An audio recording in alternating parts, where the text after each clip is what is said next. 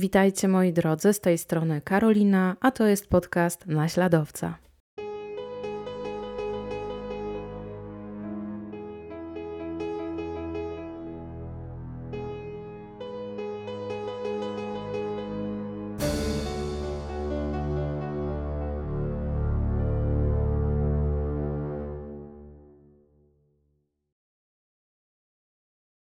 Przez cały czas bracia, którzy będą bohaterami podcastu, wywoływali oburzenie tym, jakie mniemanie o sobie mieli. Zawsze zdawali się wierzyć, że z racji swojego pokrewieństwa nie tylko różnią się od reszty świata, ale są od tej reszty lepsi. Zmarli w lipcu 1975 roku. Tym miesiącu na ekranie kin pojawia się komedia Smile z 18-letnią Melanie Griffith. Na liście billboardu króluje zespół Wings założony przez Paula McCartneya, a Ameryką, ponieważ tam się dzisiaj wybieramy, rządzi 38 prezydent Gerald Ford. 17 lipca 1975 roku w czwartek William Terrell zostaje wezwany do luksusowego apartamentowca przy Sutton Place. Przeważnie prace konserwacyjne w tym budynku nie sprawiają mu żadnych problemów, jednak przetaczająca się ostatnio przez Manhattan fala upałów sprawia, że klimatyzatory umieszczone w budynku psują się jeden za drugim. Wielu mieszkańców dziesiątego piętra w apartamentowcu dzwoni do Williama i narzeka na wyjątkowo brzydki zapach, który utrzymuje się na piętrze. Początkowo mężczyzna zbywa dzwoniących, mówiąc, że prawdopodobnie w spalarni leży martwy szczur. Jednak kiedy kolejny i kolejny mieszkaniec dzwoni, Terrell wie, że nie może już więcej tych zgłoszeń ignorować. Jego zadaniem jako konserwatora budynku jest sprawdzenie owych zawiadomień. Konserwator spaceruje po dziesiątym piętrze, żeby zlokalizować źródło przykrego zapachu, i wydaje mu się, że istotnie pod drzwiami do apartamentu 10C ten zapach jest jakby bardziej wyczuwalny. William wie, do kogo należy to mieszkanie, i uważa, że ani Cyril, ani jego brat Stuart to nie są osoby, które powinny mieszkać w tak ekskluzywnym budynku. Widywał ich wielokrotnie. W jego mniemaniu nie dość, że nie umieli się zachować, to jeszcze ubierali się tak, jakby odzież wierzchnią znaleźli na śmietniku. Widywał ostatnimi czasy lekarzy, którego z nich nie miał pojęcia, Obaj byli tak samo wysocy na 1,80 m, obaj tak samo szczupli, obaj tak samo podobni. Którykolwiek z bliźniaków to był, zawsze wracał z supermarketu obładowany wypchanymi po brzegi torbami zakupowymi. Mimo temperatur dochodzących do 30 stopni Celsjusza, albo jak kto woli do 85 stopni Fahrenheita, Noszą oni długie zimowe płaszcze, no i nigdy nie mówią dzień dobry.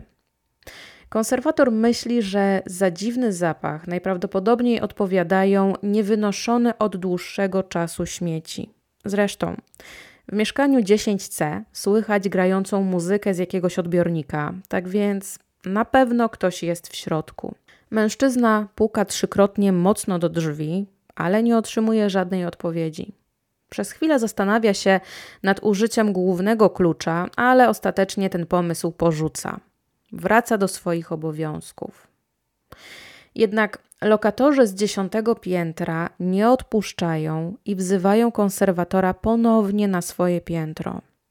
Wygląda na to, że zapach się nasilił i mężczyzna nie ma teraz innego wyjścia, jak otworzyć drzwi do apartamentu lekarzy kluczem głównym. Pierwszym, co uderza konserwatora, jest zaduch wydobywający z mieszkania. Wykładzina leżąca na korytarzu jest zasypana stertą brudnych ubrań, pustych butelek po wszelakich napojach, gnijącym jedzeniem, pustymi torbami z lokalnego supermarketu oraz fiolkami po lekach. Kiedy Terrell wąskim korytarzem dociera do sypialni, zastaje widok, na jaki nigdy nie był gotowy. Badania wykazują, że Stewart zmarł pierwszy. Dzień jego śmierci szacowany jest na między 10 a 14 dniem lipca. Jako drugi zmarł Cyril. Przeżył swojego brata o kilka dni. Co więcej, w wyniku śledztwa detektywi wiedzą, że Cyril widziany był na zewnątrz. Opuścił mieszkanie 14 albo 15 lipca, w zależności od źródeł. Zjechał windą do holu i kiedy wychodził na zewnątrz, zauważył go portier. W mniemaniu portiera lekarz nie wygląda najlepiej, tak więc oferuje mu pomoc. Cyril oświadcza, że poradzi sobie sam. Po chwili wraca do mieszkania. Wraca do Stewarta. Kontaktuje się ze swoją sekretarką i mówi, że kobieta ma do niego nie dzwonić. Śmierć młodszego z bliźniaków szacowana jest na dzień między 14 a 17 lipca. Kiedy dziennikarze dowiedzieli się o śmierci dwóch znanych ginekologów położników, słowa, jakie pojawiły się w kontekście tej nieszczęśliwej sytuacji, to tajemnicza, niespodziewana, niewyjaśniona. Czy rzeczywiście ich śmierć była taka dziwna, jak to sugerowali wtedy dziennikarze? Pozwólcie, że przedstawię Wam bliżej historię osób, których nazwisko w latach 60. ubiegłego wieku budziło szacunek i poważanie nie tylko w branży medycznej.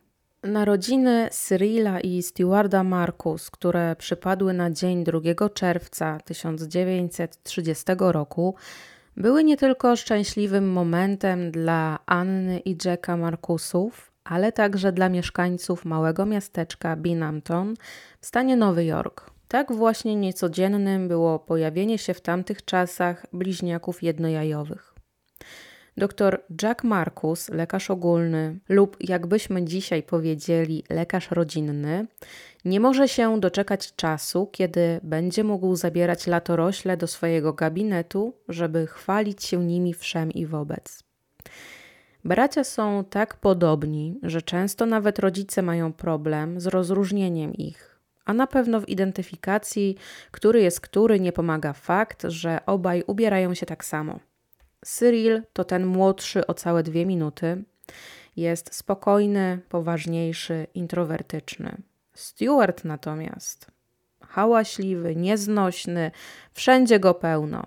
Często matka mówi mu, żeby starał się być podobny do brata bliźniaka, który kłopotów nie sprawia. Zauważalna różnica między braćmi jest taka, że Stuart jest leworęczny, a Cyril używa prawej dłoni do pisania czy też malowania.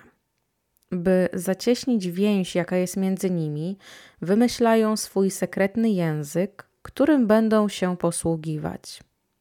Synowie doktora Markusa nie uprawiają żadnego sportu. Zamiast piłki, ojciec kupuje im zestaw dla młodych chemików. Mimo, że bliźniacy dorastają w czasach wielkiego kryzysu w Stanach Zjednoczonych, to rodziny Markus ów kryzys nie dotknął. Jack jest bardzo szanowany w mieście. Pomimo ciężkiego czasu nie narzeka na brak pacjentów. Biedniejszych leczy za darmo albo leczenie finansowo rozkłada na raty. Dr Markus ma swój własny kodeks etyki lekarskiej, który stara się przekazywać synom. Chce, żeby obaj poszli w jego ślady. Anna Markus to oddana gospodyni domowa. Odpowiada za pielęgnowanie ogniska domowego. W każdy piątek dba, żeby chłopcy razem z ojcem chodzili do synagogi. Rodzina państwa Markus ma korzenie żydowskie. Cyril i Stuart razem uczęszczają do tej samej szkoły podstawowej. Tutaj odkrywają, że mogą oszukiwać nauczycieli, mogą podszywać się nawzajem pod siebie. Nauczyciele podejrzewają, że Stuart pomaga Cyrilowi, ale chłopcy nigdy nie zostają złapani na mistyfikacji. Czy dzięki tym drobnym kłamstewkom, czy dzięki faktycznemu drygowi do nauki, obaj chłopcy do domu przynoszą oceny bardzo dobre. W latach szkoły podstawowej Stuart przyćmiewa Cyrila. Ma więcej pewności siebie, jest bardziej asertywny. Młodszy z braci bez sprzeciwu chowa się w cieniu brata. To sielankowe dzieciństwo zostaje zakłócone przez awans ojca. Jack dostaje propozycję zmiany miejsca pracy i przeniesienia się z cichego i spokojnego Binghamton do Bayonne w stanie New Jersey. Klimat portowego miasta tak mocno przytłacza braci, że czują, jakby byli uwięzieni. Dla porównania dodam, że w rodzinnym miasteczku dorastali w otoczeniu przyrody. Odkąd ojciec zabiera bliźniaków po raz pierwszy do swojego gabinetu, łykają bakcyla medycyny. Marzą o zostaniu sławnymi lekarzami. W wolnych chwilach czytają książki medyczne należące do ojca. Jack próbuje nakierować ich w stronę chirurgii, dziedziny, w stronę której on miał ciągoty, ale nie zrealizował swojego marzenia. Bracia w szkole średniej nie mają przyjaciół, trzymają się tylko ze sobą. Osobom postronnym wydaje się, że nie potrzebują towarzystwa innych. Nie są jednak takimi zupełnie odludkami w klasie, uczestniczą w zajęciach pozalekcyjnych, takich jak grupy dyskusyjne, czy też e, uczęszczają, czy też udzielają się w redakcji gazetki szkolnej. Ubierają się znacznie inaczej niż ich rówieśnicy. W latach 40. ubiegłego wieku uczniowie w szkole nosili rozpięte pod szyją koszule, swetry, kamizelki w rąby albo kardigany z dekoltem w szpic. Bliźniacy natomiast ubierają się w białe koszule, krawaty, marynarki. Już nie noszą takich samych ubrań, ale różne ich odcienie. Jeśli Stewart ma na sobie na przykład brązową kurtkę, no to Cyril będzie nosił taką samą kurtkę, ale w odcieniu ciemnego brązu. Przez swoje pokrewieństwo zostają bohaterami artykułów w szkolnej gazetce pod tytułem Podwójne kłopoty w Bayonne High, co czyni ich znanymi i rozpoznawalnymi. W artykule podkreślają swoje niezwykłe podobieństwo i wyznają, że ilekroć sprawiali kłopoty, no to ich matka karała ich obu, żeby mieć pewność, że właściwa osoba dostała w skórę. Czy w tej opowieści jest jakieś ziarno prawdy? No to wiedzieli tylko bracia. Faktem jednak będzie, że w przyszłości odwrócą się od matki i od wszystkiego, co związane jest z ich latami dziecięcymi. Ale nie będę wyprzedzać faktów. Na chwilę obecną, jeśli bracia w szkole średniej ubiegają się o stołek przewodniczącego i skarbnika, zawsze przegrywają. Powodem jest brak sympatii kolegów i koleżanek z klasy. Jeśli chodzi o oceny na ostatnim roku w szkole średniej, Stewart jest pierwszy, a Cyril jest drugi w klasie. Nauczyciele widzą Stewarta jako tego, który ma naturalne predyspozycje do bycia liderem. Swoje podobieństwo bliźniacy wykorzystują podczas randkowania z płcią przeciwną. Często zamieniają się miejscami, co sprawia, że dziewczyny nigdy nie mają pewności, z którym z bliźniaków akurat się spotykają. Kiedy Cyril i Stewart zostają przyjęci na kierunek medyczny na Uniwersytecie Syracuse, głowa rodziny jest bardziej niż szczęśliwa z wyboru synów. Hojnie ich za to wynagradza kieszonkowym, żeby potomkowie mogli ubierać się jak lekarze i żyć na odpowiednio wysokim poziomie. Na kolejnym etapie edukacji rówieśnicy także nie mają dobrego zdania o braciach, jeśli chodzi oczywiście o ich zdolności interpersonalne. Pewien mężczyzna studiujący z Cyrilem i Stewartem tak będzie o nich później mówić. Kiedy rozmawiali z tobą, a przez większość czasu nie rozmawiali z nikim, tylko ze sobą, miałeś wyraźnie wrażenie, że ich reakcje były sztuczne, że tak naprawdę nie mieli emocji, jakie mieli inni ludzie. Małpowali emocje innych, próbując ich naśladować nie tolerowali żadnych doświadczeń, które nie były ich wspólne. Przykładem, jakim się teraz posłużę na to wspólne przeżywanie doświadczeń, będzie zdarzenie za czasów rezydentury braci, którego bohaterką jest pewna lekarka.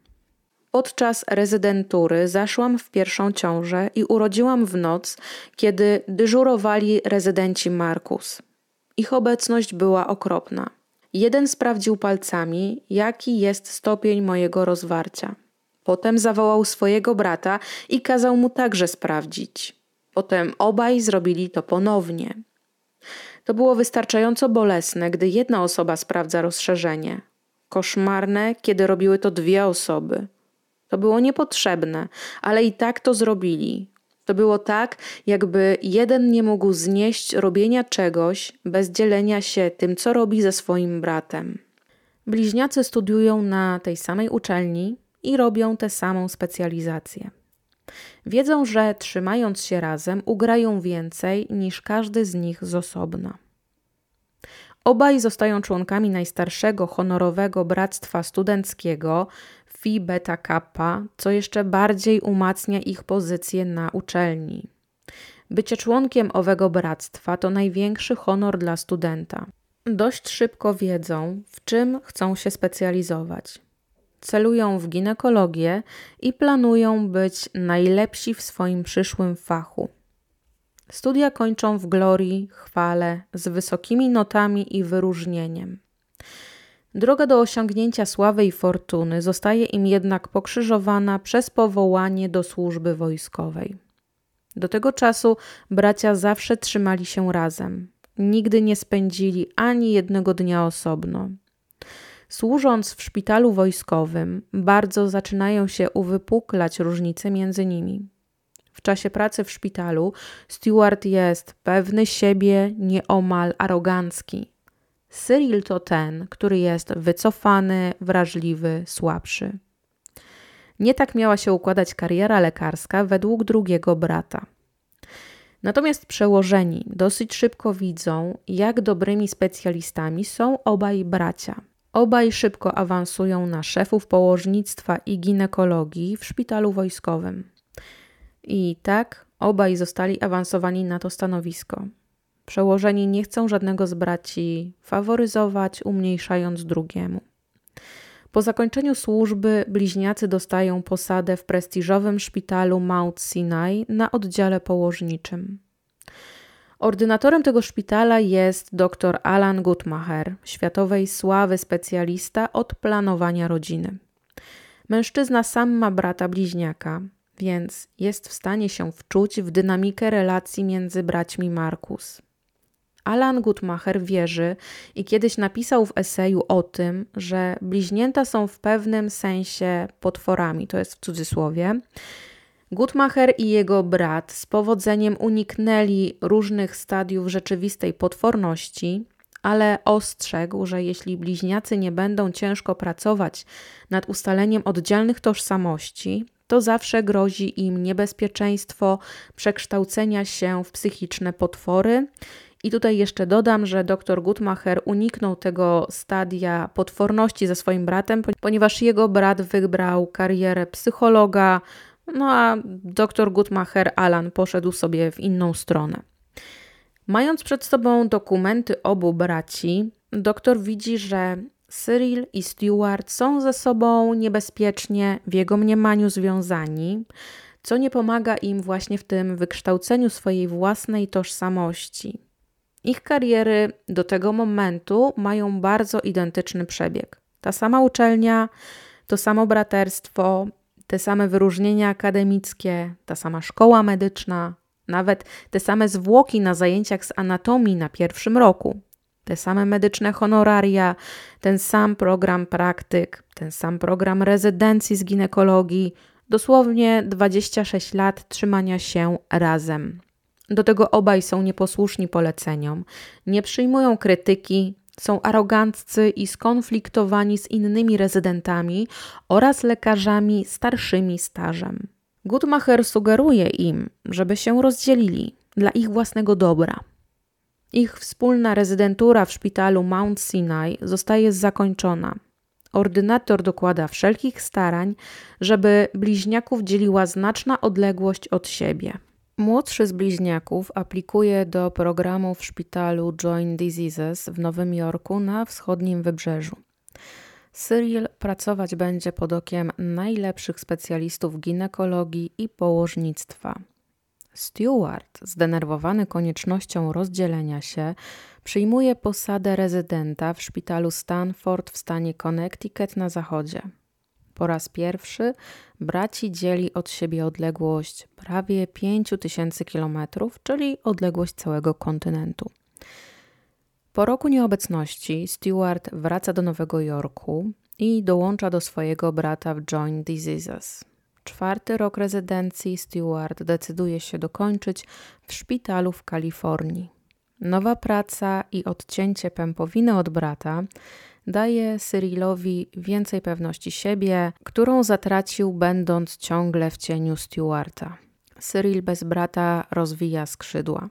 Jak już wspomniałam, staje się dużo bardziej pewny siebie, no i zyskuje e, reputację świetnego specjalisty. Jest też coraz częstszym bywalcem imprez towarzyskich i tak zwanych salonów. Przystojny, wysoki, samotny lekarz przyciąga oko wielu kobiet. Prawie każdego wieczora po zakończonej pracy pędzi do mieszkania. Tam przygotowuje się odpowiednio do wieczornego wyjścia na miasto. Od czasów studenckich bardzo dba o swój wygląd i teraz się to nie zmieniło.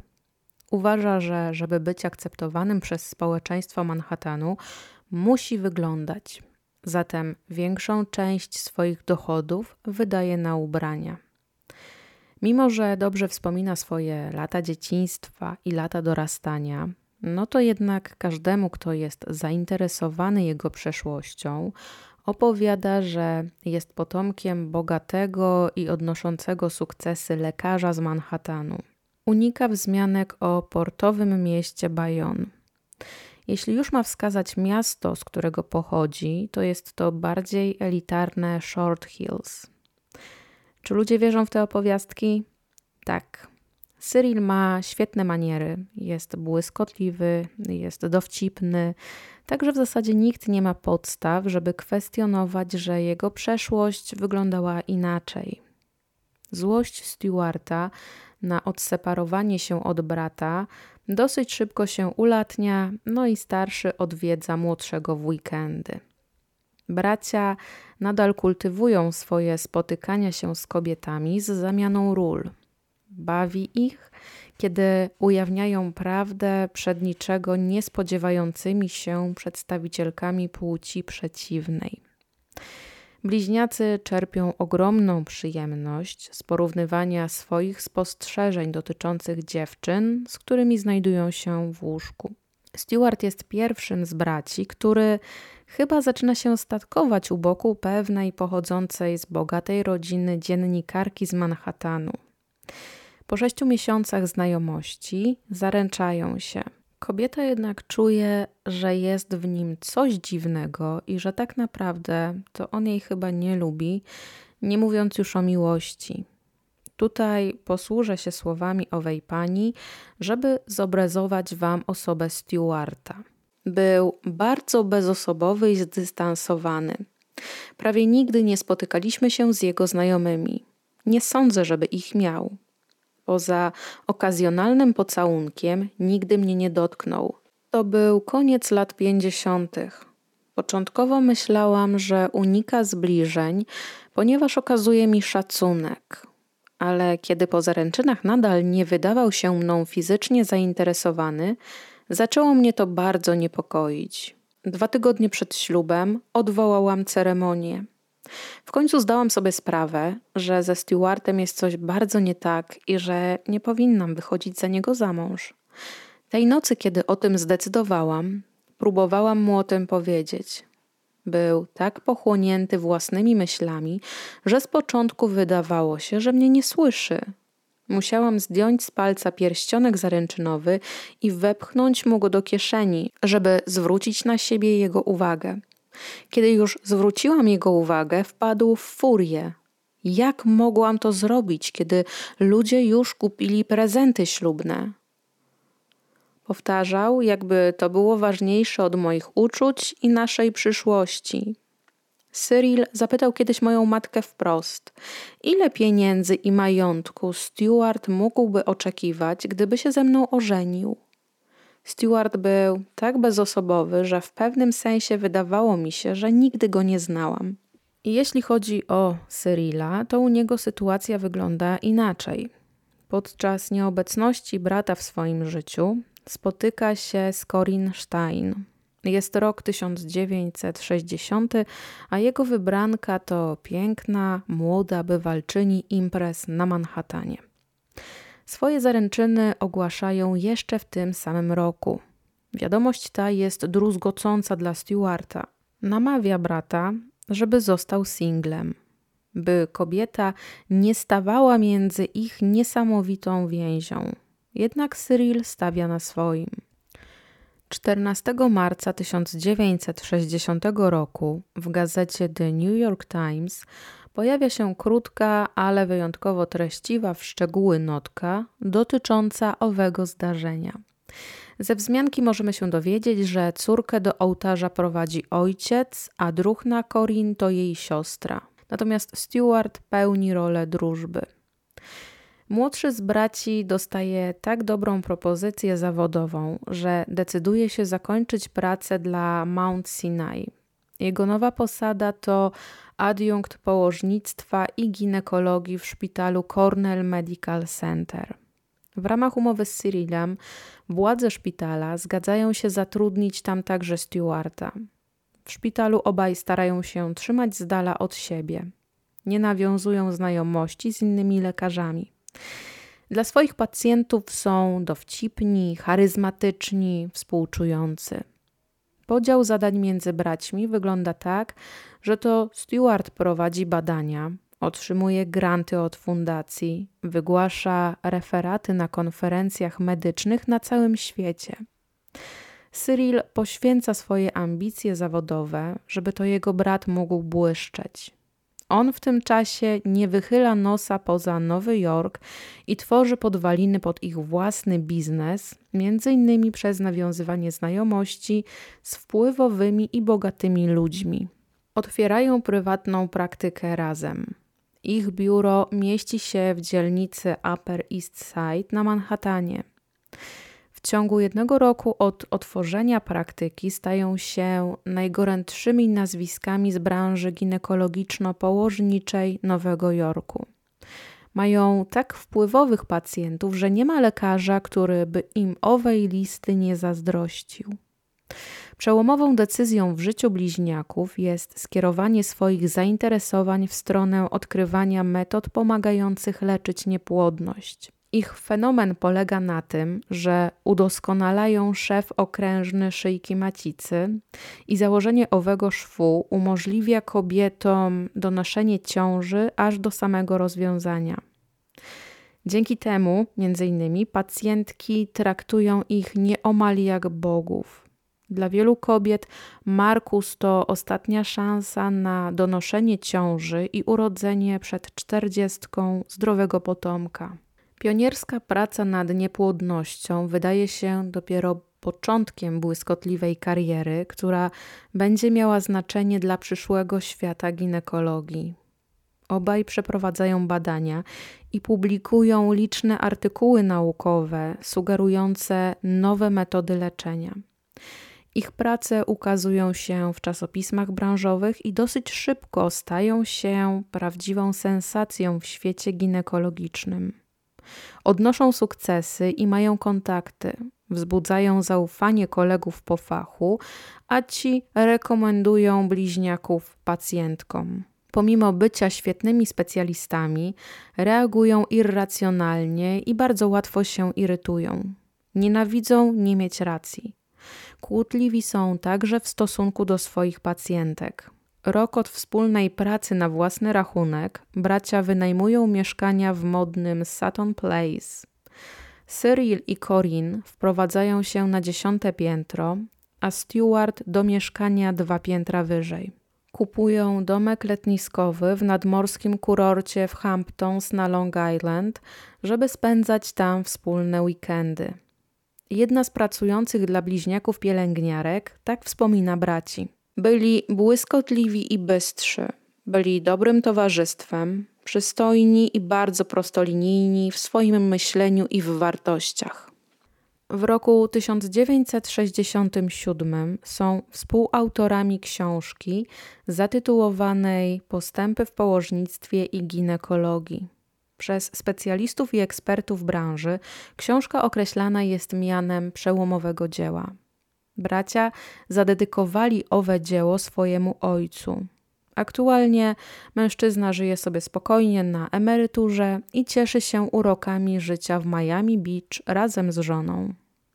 Jeśli chodzi o kontakty braci z rodzicami, to są one raczej skąpe i ograniczają się do dwóch połączeń telefonicznych na rok. Podsumowując ten wątek rodziców, bracia nie są na nich źli, nie mają z nimi złych stosunków, ale wstydzą się ich i wstydzą się swojego pochodzenia. 37-letni bliźniacy mają u stóp świat medycyny, a mają zamiar sięgnąć po jeszcze więcej.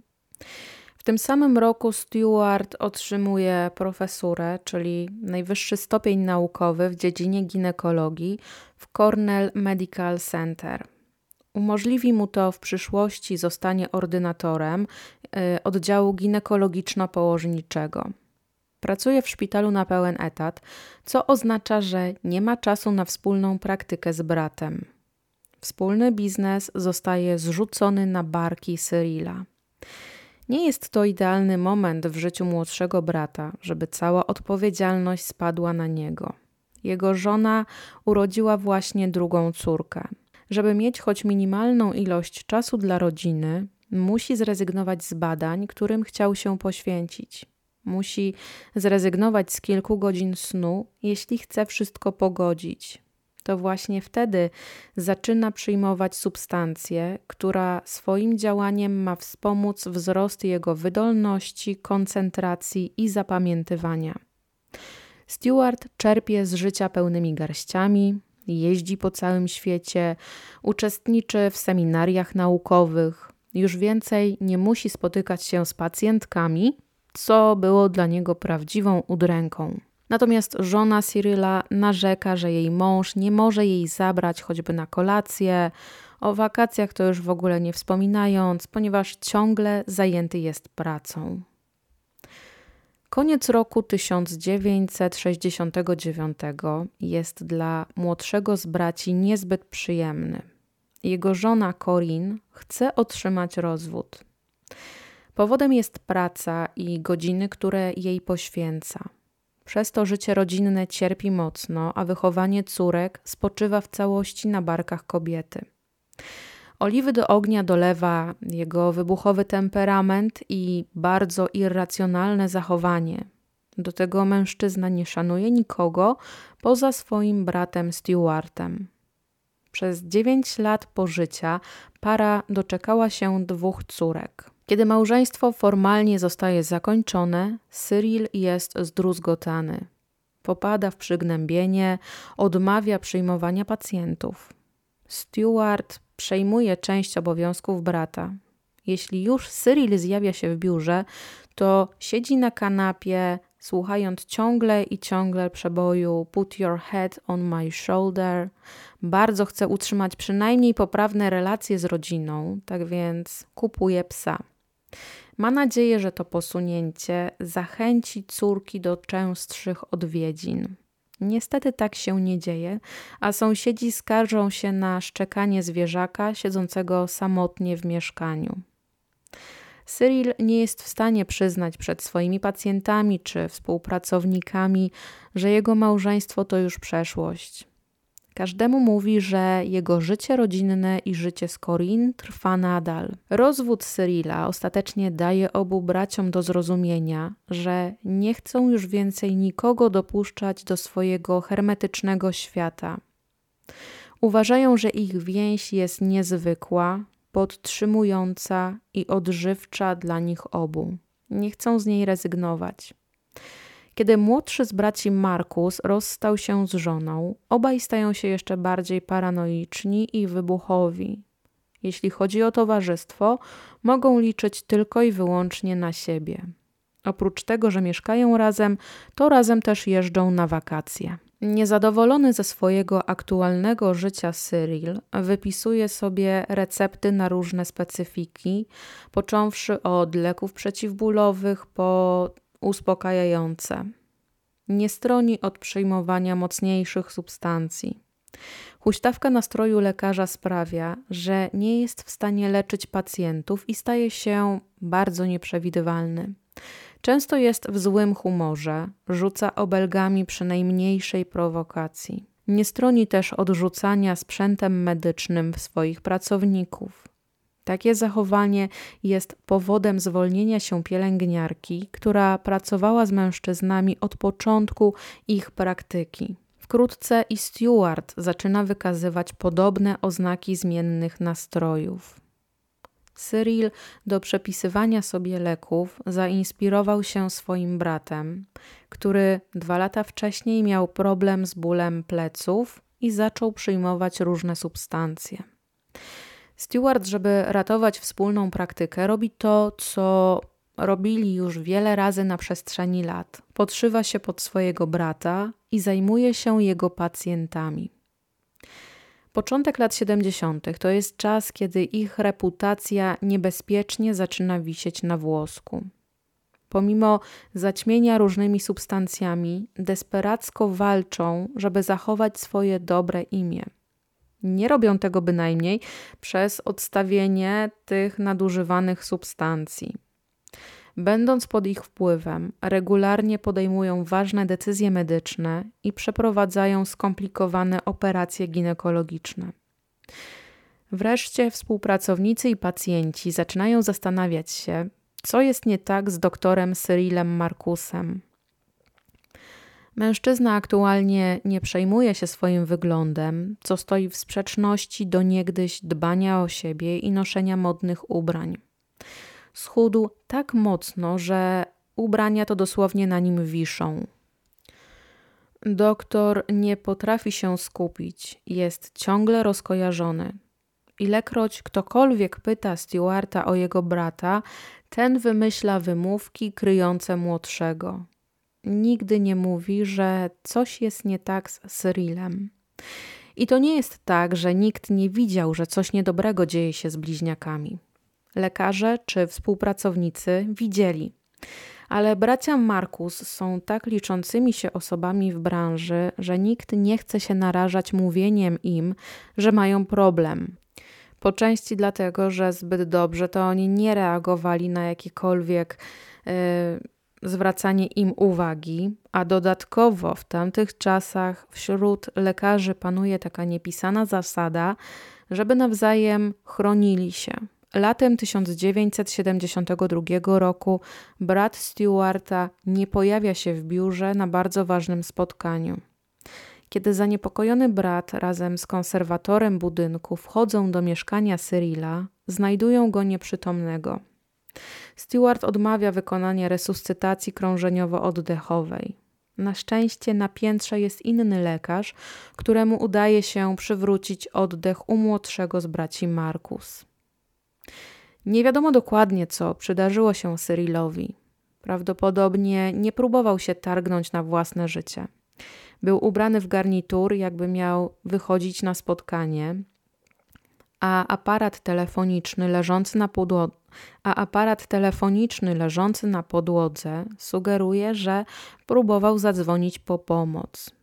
Stewart nie wyklucza możliwości, że jego brat doznał udaru, a co za tym idzie, jego mózg mógł zostać uszkodzony z powodu niedotlenienia.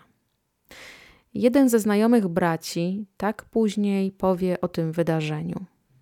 Cyril funkcjonował, ale z biegiem czasu w innych sprawach, w trakcie rozmowy telefonicznej powtarzał się.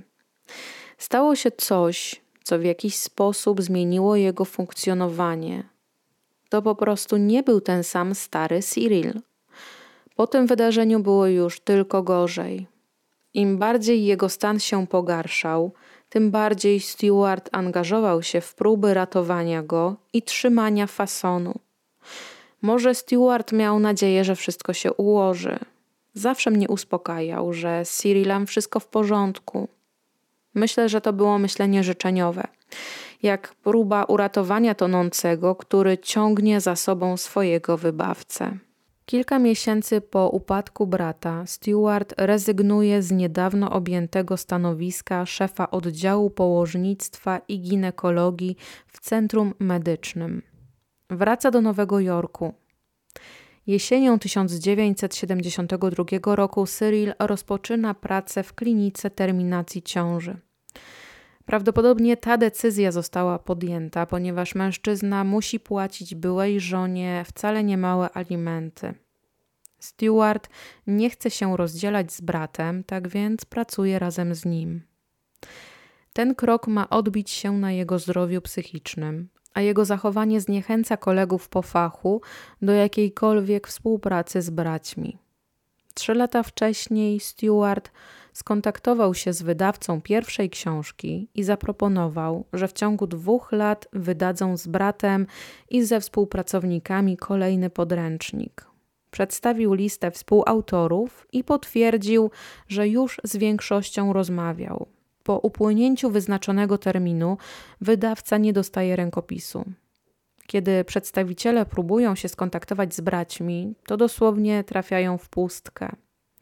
Nie dostają żadnej zwrotnej odpowiedzi od braci Markus. Odpowiedzi za to sypią się od współtworzących książkę. Bracia Markus nie zwrócili specjalistom rękopisów, które otrzymali w ramach pomocy. Znaczna część ze specjalistów odmówiła angażowania się w tworzenie kolejnej książki z racji zaangażowania się bliźniaków w wykonywanie zabiegów terminacji ciąży. Następstwem upadku Cyrilla jest dziwne zachowanie obu lekarzy. Podszywają się oni wzajemnie pod siebie. Nie to, żeby wcześniej to nie miało miejsca, ale aktualnie te działania są dużo bardziej widoczne. Jeden z nich zaczyna badanie, po czym wychodzi, na jego miejsce wraca drugi. Pewnemu pacjentowi lekarz chwali się, że takim sposobem udało mu się oszukać 9 z 14 pacjentów, których przyjął tego dnia. Spadek formy braci widoczny jest też w dokumentacji medycznej, a dokładniej w braku jej wypełniania. Nie wypisują formularzy ubezpieczeń pacjentów, ponieważ w ich mniemaniu to jest dla nich strata czasu. Kłócą się z pacjentami, którzy zadręczają ich bezsensownymi żądaniami. Odmawiają też przekazania dokumentacji medycznej innym lekarzom, kiedy tamci oczekują tego. Między innymi ta niechęć do wypełniania formularzy ubezpieczeniowych ściąga na głowy braci zainteresowanie Departamentu Postępowania Zawodowego. Rada nadzorcza wzywa na dywanik doktora Cyrila Markusa i nakazuje mu się wytłumaczyć ze stawianych mu zarzutów. Mężczyzna kilkukrotnie przekłada spotkanie, jednak w końcu udaje mu się na nie dotrzeć. Spotyka się z przewodniczącym zarządu. Doktor podczas rozmowy jest miły, serdeczny, nie tłumaczy swojego zachowania, a jedynie oświadcza, że się poprawi. By ratować dobre imię brata, na owym spotkaniu pojawił się nie Cyril, a Stewart. Kiedy sytuacja zaczyna być coraz bardziej stresogenna, stery młodszego brata przejmował od niego zawsze ten starszy. W Departamencie Nadzoru Zawodowego na koncie braci Markus znajduje się łącznie 12 spraw. Jakby tego było mało, także Rada Towarzystwa Medycznego Hrabstwa Nowy Jork bada coraz liczniejsze skargi dotyczące niewypełniania przez bliźniaków stosownych formularzy. Członkowie Towarzystwa Medycznego zaczynają się zastanawiać, czy mają do czynienia z lekarzem, który popełnia błędy celowo, czy z lekarzem, który cierpi z powodu choroby, co z kolei rzutuje na jego pracę. Zarząd kontaktuje się ze Stewartem, żeby spytać, czy jego brat potrzebuje pomocy, żeby spytać, co się dzieje z Cyrilem. Stewart jest wściekły i zaprzecza, żeby cokolwiek złego działo się z jego bratem, jednak wie, że ta tajemnica dziwnego zachowania już zaczyna się wymykać spod kontroli. Kolejny rok to pikowanie w dół praktyki lekarskiej braci Markus. Ich biura przestają być sprzątane, w lodówkach przetrzymywane są próbki, które nigdy nie zostały wysłane do analizy. Czynsz przestaje być płacony, a pielęgniarki nieomal codziennie otrzymują telefony od braci, którzy bełkotliwym głosem nakazują, żeby odwołać pacjentów umówionych na ten dzień. Bogaci pacjenci, widząc spadek jakości niegdyś uwielbianych lekarzy, w popłochu zmieniają prowadzących. Bracia rzadko też pojawiają się w szpitalu. Na dyżurze, na sali operacyjnej. Dni nieobecności zaczynają się zamieniać w tygodnie, natomiast jeśli już się pojawią, to ciągnie się za nimi szlak niekompetencji i zniszczenia. Pewnego razu podczas przeprowadzania operacji młodszy z braci Markus chwieje się na nogach i obficie poci. A w pewnym momencie wpada w szał i zrywa z twarzy pacjenta maskę, która podaje znieczulenie i przykłada ją sobie do twarzy. Zaniepokojone pielęgniarki przekonują Cyrila, żeby wyszedł z sali operacyjnej. Pałeczkę od brata przejmuje Stewart, Mimo stanu zbliżonego do swojego poprzednika, jakoś udaje mu się skończyć tę operację. Na początku 1974 roku Cyril przeprowadza operację obrzezania. Pracuje z nim pielęgniarka z wieloletnim doświadczeniem, która widzi, że operacja z doktorem Markusem to zdarzenie, do którego lata pracy jej nie przygotowały. Doktor poci się obficie i ledwo stoi na nogach. Ręce mu się trzęsą, a samego zabiegu próbuje dokonać uchwytem noża. Pielęgniarka nie złożyła raportu o tym incydencie, ponieważ obawiała się, że nikt jej nie uwierzy. Nie uwierzy jej w to, że znakomity i szanowany lekarz operował w takim stanie. A dodatkowo jeszcze przełożony, któremu zgłosiła ten incydent, powiedział, żeby Dokończyła operację z doktorem, tylko bacznie mu się przyglądała. Rok później Stewart Marcus przeprowadza tę samą operację, a na sali jest dokładnie w takim samym stanie jak jego brat. Ktoś w końcu jednak nie wytrzymuje, mówi dość i nakazuje Cyrilowi skontaktować się ze stosowną jednostką w Nowym Jorku, żeby uzyskać pomoc psychologiczną. Musi jednak dojść do kompletnego pomieszania przebiegu operacji, żeby uwaga Cyrilowi została wreszcie zwrócona. Stewart także zostaje zmuszony do wzięcia kilkumiesięcznego urlopu, żeby doprowadzić się do ładu. Po trzech miesiącach urlopu lekarze wracają do pracy. Koledzy bacznie ich obserwują. W roku 1975 są już na terenie szpitala personami non grata. Pomimo tego udaje im się jeszcze przyjąć 18 pacjentów. Wiedzą, że są obserwowani i wolą skupić się na pracy, kiedy nikt im nie będzie patrzył na ręce, tak więc wracają do swojej praktyki.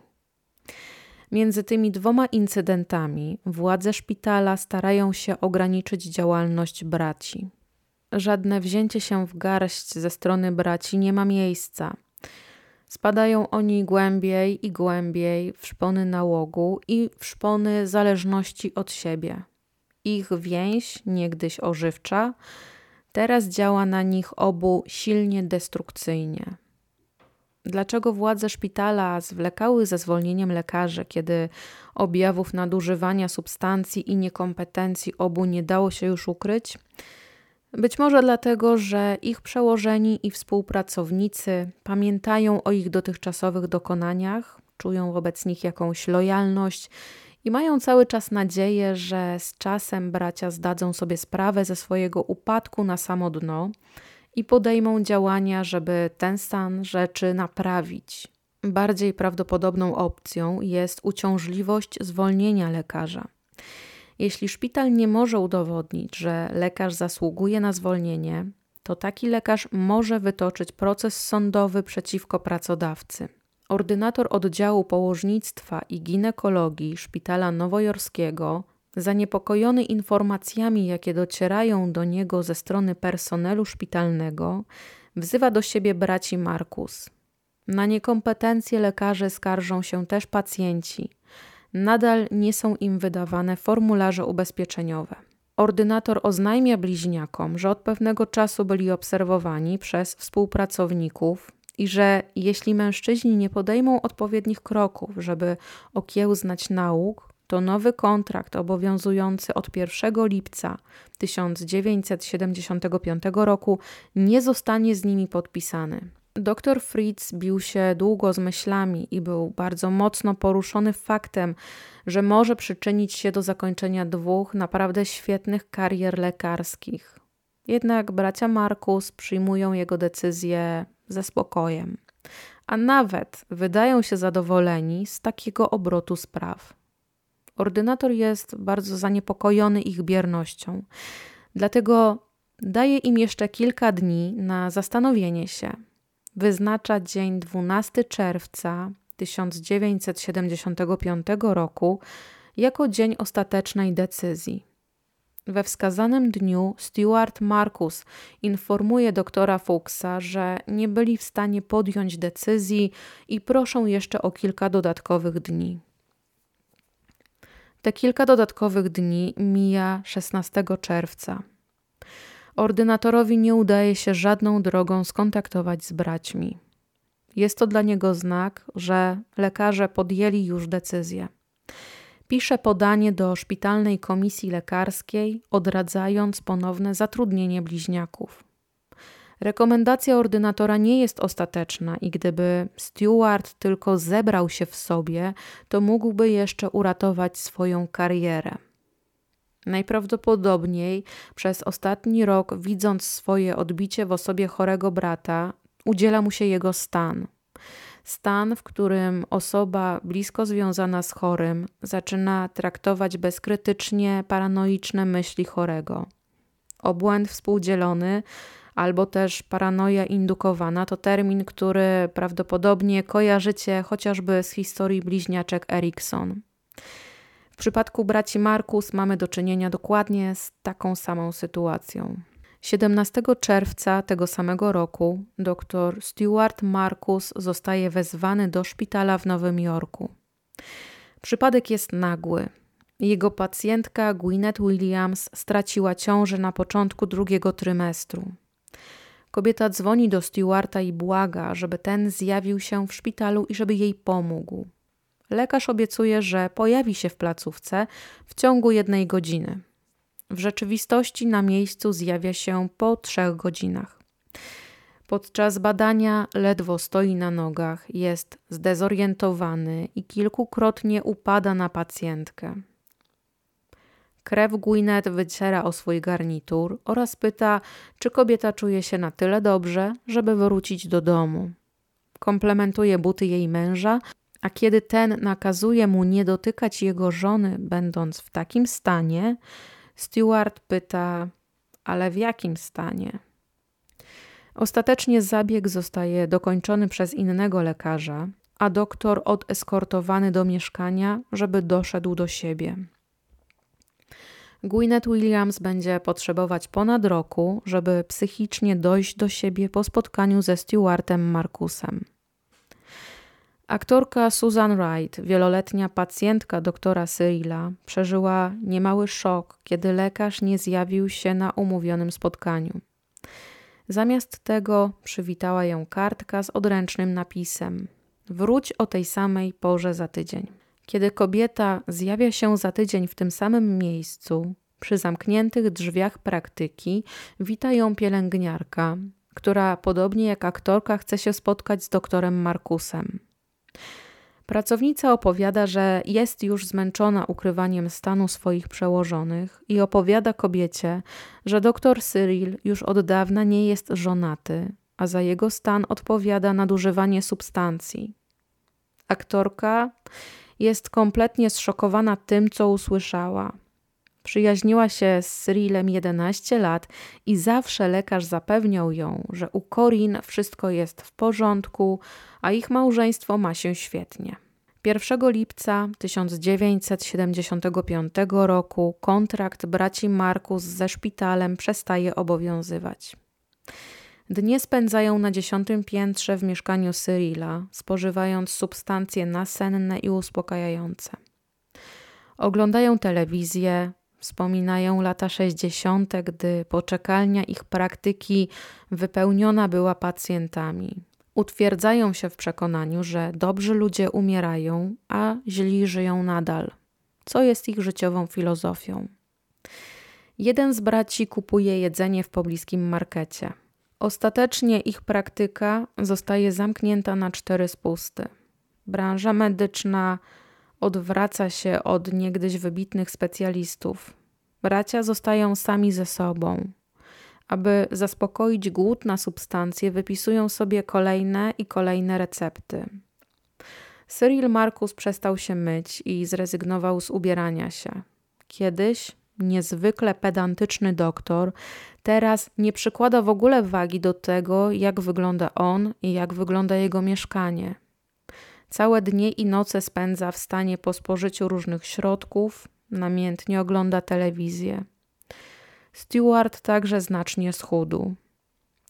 Obaj wyglądają bardzo chudo, a są odziani jeszcze w zwisające na nich ubrania. Co kilka dni Stewart doprowadza się do porządku, ubiera, wychodzi na zakupy. Kupuje mrożone obiady, fasole w puszce, napoje gazowane i kilka butelek alkoholu. Stewart jest w nałogu krócej, dlatego jeszcze udaje mu się zachować nieco trzeźwości umysłu. Zdaje sobie sprawę, że razem z bratem spadli na samo dno.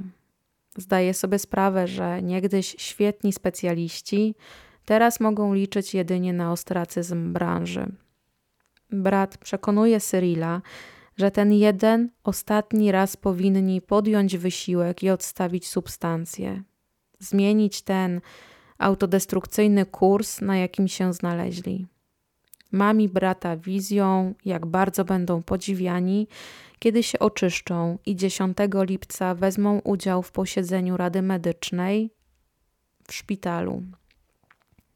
Zrehabilitują się w środowisku i odzyskają dawną pracę. Może nawet osiągną jeszcze więcej niż poprzednio. Może wydadzą kolejną książkę.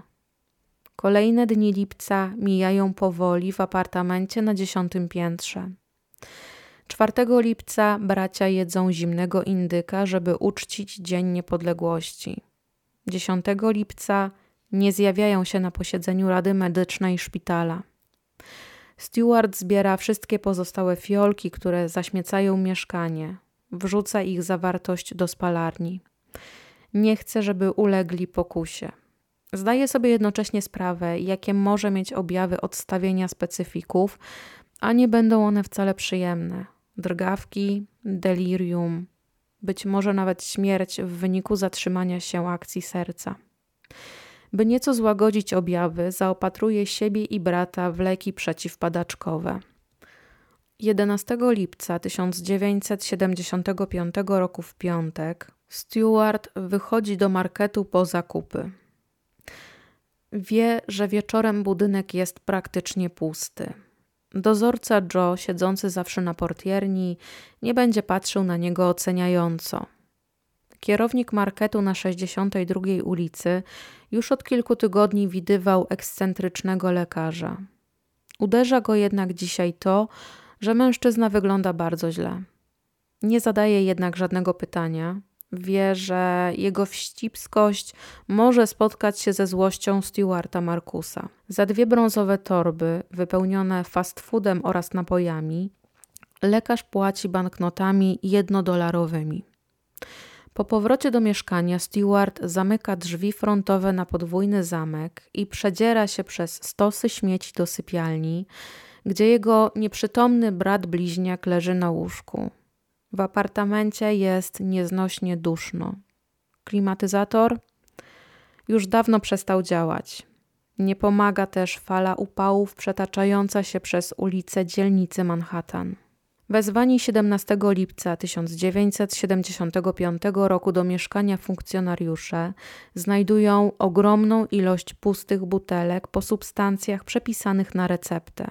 Stopy śledczych grzęzną w kilkunastocentymetrowej warstwie niedokończonych obiadów na plastikowych tackach, na wpół wypitych butelkach po napojach, zatłuszczonych opakowaniach po kanapkach i pogniecionych pokrowcach na ubrania. Elegancki fotel stojący na środku jednego z pokoi wykorzystany został przez ofiary jako krzesło toaletowe, a świadczą o tym odchody, które znajdują się wokół niego. Wśród chaosu śledczy znajdują jednak przedmioty, które sugerują ostatnią wolę walki braci o zachowanie twarzy. Wanna i umywalka w łazience były pokryte rozlaną kawą, ale na tych plamach leżało opakowanie dezodorantu, puszka kremu do golenia, wyciskana tubka balsamu do opalania, maszynki do golenia, a nawet cążki do paznokci. Jeden z dowodzących grupą tak później powie o widoku, jaki zastał w apartamencie na dziesiątym piętrze. Nie było cala podłogi, która nie byłaby zaśmiecona. To miejsce było chlewem. Ciało jednego z lekarzy leży twarzą w dół na łóżku przy jego wezgłowiu. Mężczyzna ma na sobie jedynie szorty w biało-niebieskie paski i czarną skarpetę zsuniętą do połowy lewej stopy.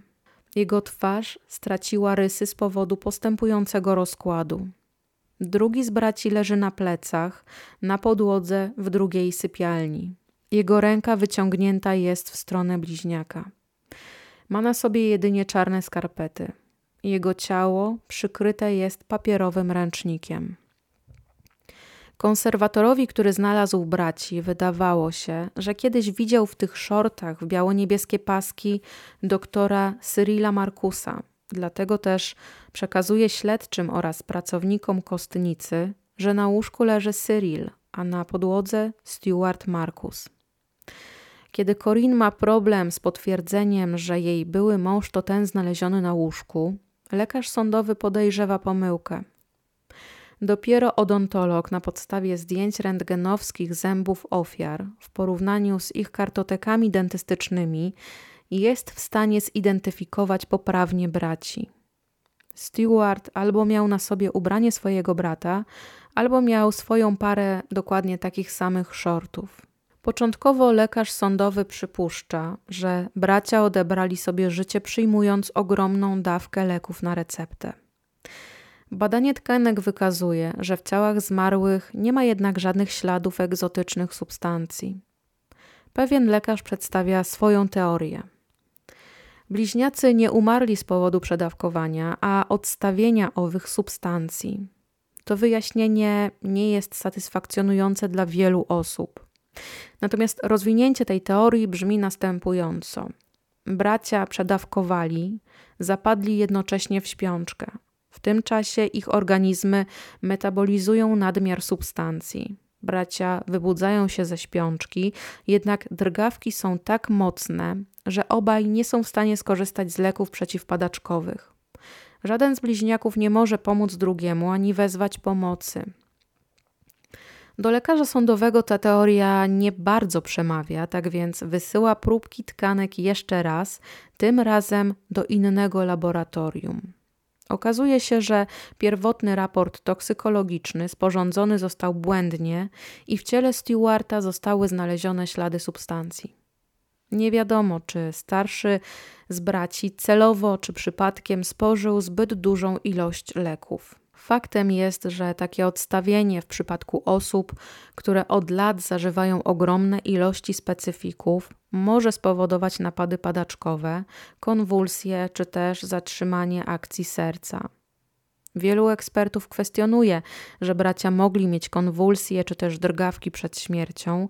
Przede wszystkim ich ciała nie noszą takich obrażeń jak siniaki, ugryzienia na języku czy krwotok mózgowy. Dopiero po jakimś czasie w mieszkaniu, wkręcona w maszynę do pisania, zostanie znaleziona notka, którą brat Stewarta zostawił przed śmiercią. Wpisał na niej nazwisko i adres swojej byłej żony. Mieszkanie wynajmowane przez lekarzy było niczym stajnia Augiasza, więc zanim śledczy dotarli do tej kartki, minęło kilka dni. Natomiast Cyril być może próbował zostawić wskazówkę dotyczącą swojej śmierci. Na stosie papierów na środku jednego z pokoi leży bowiem książka Iris Murdoch A Very Honorable Defeat. Książka ta opowiada historię mężczyzny, który próbuje przerwać romans starszego brata i doprowadza do jego śmierci. Jest to książka o stracie i odosobnieniu. I ta książka to jedyny nienaukowy egzemplarz znaleziony w mieszkaniu Cyrila. Inne książki, które zostały tam znalezione, to są prace naukowe i są one starannie ułożone na półkach. Pierwszy artykuł o śmierci znanych ginekologów położników pojawia się w dniu znalezienia zwłok 17 lipca w Daily News.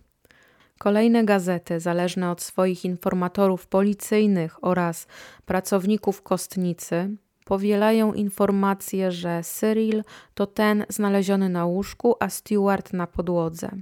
Do pomyłek będzie dochodziło jeszcze cztery miesiące po śmierci braci. Nawet niektóre współczesne źródła powielają i wskazują takie właśnie ułożenie braci. Śledczy wykluczają udział osób trzecich w śmierci. Drzwi do mieszkania zamknięte były od wewnątrz. Bliżej im jest do teorii, że jeden z braci pozbawił życia drugiego, a potem odebrał sobie swoje własne. Jednak na żadnym z ciał nie ma śladów przemocy fizycznej. W toku śledztwa okazuje się, że obaj lekarze aż do ostatnich dni zamawiali dla siebie różne substancje z aptek, wypisując recepty na fikcyjne nazwiska. Stewart, mimo że wynajmował oddzielne mieszkanie, już od kilku miesięcy w nim nie przebywał. Od roku nie przyjmował nikogo oprócz Cyrila. Mieszkanie starszego z braci jest odzwierciedleniem tego, co śledczy znaleźli w apartamencie drugiego Markusa. Te same pigułki, te same stosy gazet, te same nieotwarte listy, to samo rozrzucone na wpół zjedzone jedzenie. Ostatecznie to, w jaki sposób zmarł Cyril, wciąż pozostaje tajemnicą. Możemy tutaj wierzyć w jakąś mistyczną więź między bliźniakami, która sprawiła, że ten młodszy brat stracił chęć do życia po śmierci starszego. Być może to efekt odstawienia substancji, od których był uzależniony. Możemy też przyjąć, że prawdopodobnie Cyril po śmierci brata zdał sobie sprawę z tego, że teraz będzie sam, samotny, będzie oddzielną istotą, która już z nikim nie stworzy takiej więzi. I ta myśl spowodowała, że mężczyzna po prostu usiadł tam, gdzie się znajdował i czekał na śmierć. Przez kilka dni trwał u boku Stewarda, nie jedząc nic, nie pijąc nic. Wychudzony do granic i osłabiony organizm musiał się po prostu wreszcie poddać.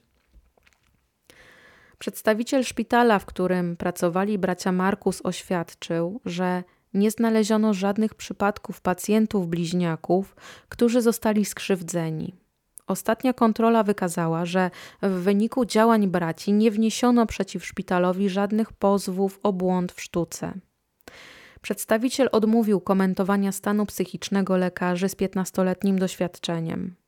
Uchylił jednak nieco rąbka tajemnicy, twierdząc, że były to podobne problemy zdrowotne. W roku 1988 David Cronenberg, zainspirowany sprawą braci Markus, przedstawia światu swoje dzieło Dead Ringers, po polsku Nierozłączni. W roli głównej możemy zobaczyć Jeremiego Ironsa, który wciela się w podwójną rolę bliźniaków ginekologów. Natomiast jeśli chodzi o remake tej historii, to owszem, Amazon Prime pokusił się o taki remake i odświeżona historia braci, a w tym wypadku sióstr, e, pojawi się na platformie 21 kwietnia tego roku. I to jest kropka. Ostatnie zdanie dzisiejszej historii. Dziękuję Wam bardzo za wysłuchanie tej historii. Dziękuję moim patronom, dziękuję moim patronkom, zarówno tym z Patronite'a, jak i tym, którzy wspierają mnie na YouTubie. Ciekawa jestem Waszego zdania, czy faktycznie między bliźniakami istnieje jakaś nadprzyrodzona moc, i tutaj ja powiem Tyle, że ja nie wiem, czy to tak faktycznie wygląda, ponieważ jestem jedynaczką, więc nie miałam z kim nawiązać tej nadprzyrodzonej więzi. Natomiast jeśli tutaj wśród słuchaczy, wśród Was, wśród nas yy, są bliźnięta, dajcie znać i powiedzcie, jak to było za czasów dzieciaka u Was i jak to jest teraz. I jeśli dotarliście do tego momentu, proszę zostawcie komentarz o treści nadprzyrodzona więź. A tymczasem ja się z Wami żegnam i do usłyszenia za dwa tygodnie. Trzymajcie się cieplutko, no i byle do wiosny. Pa, pa.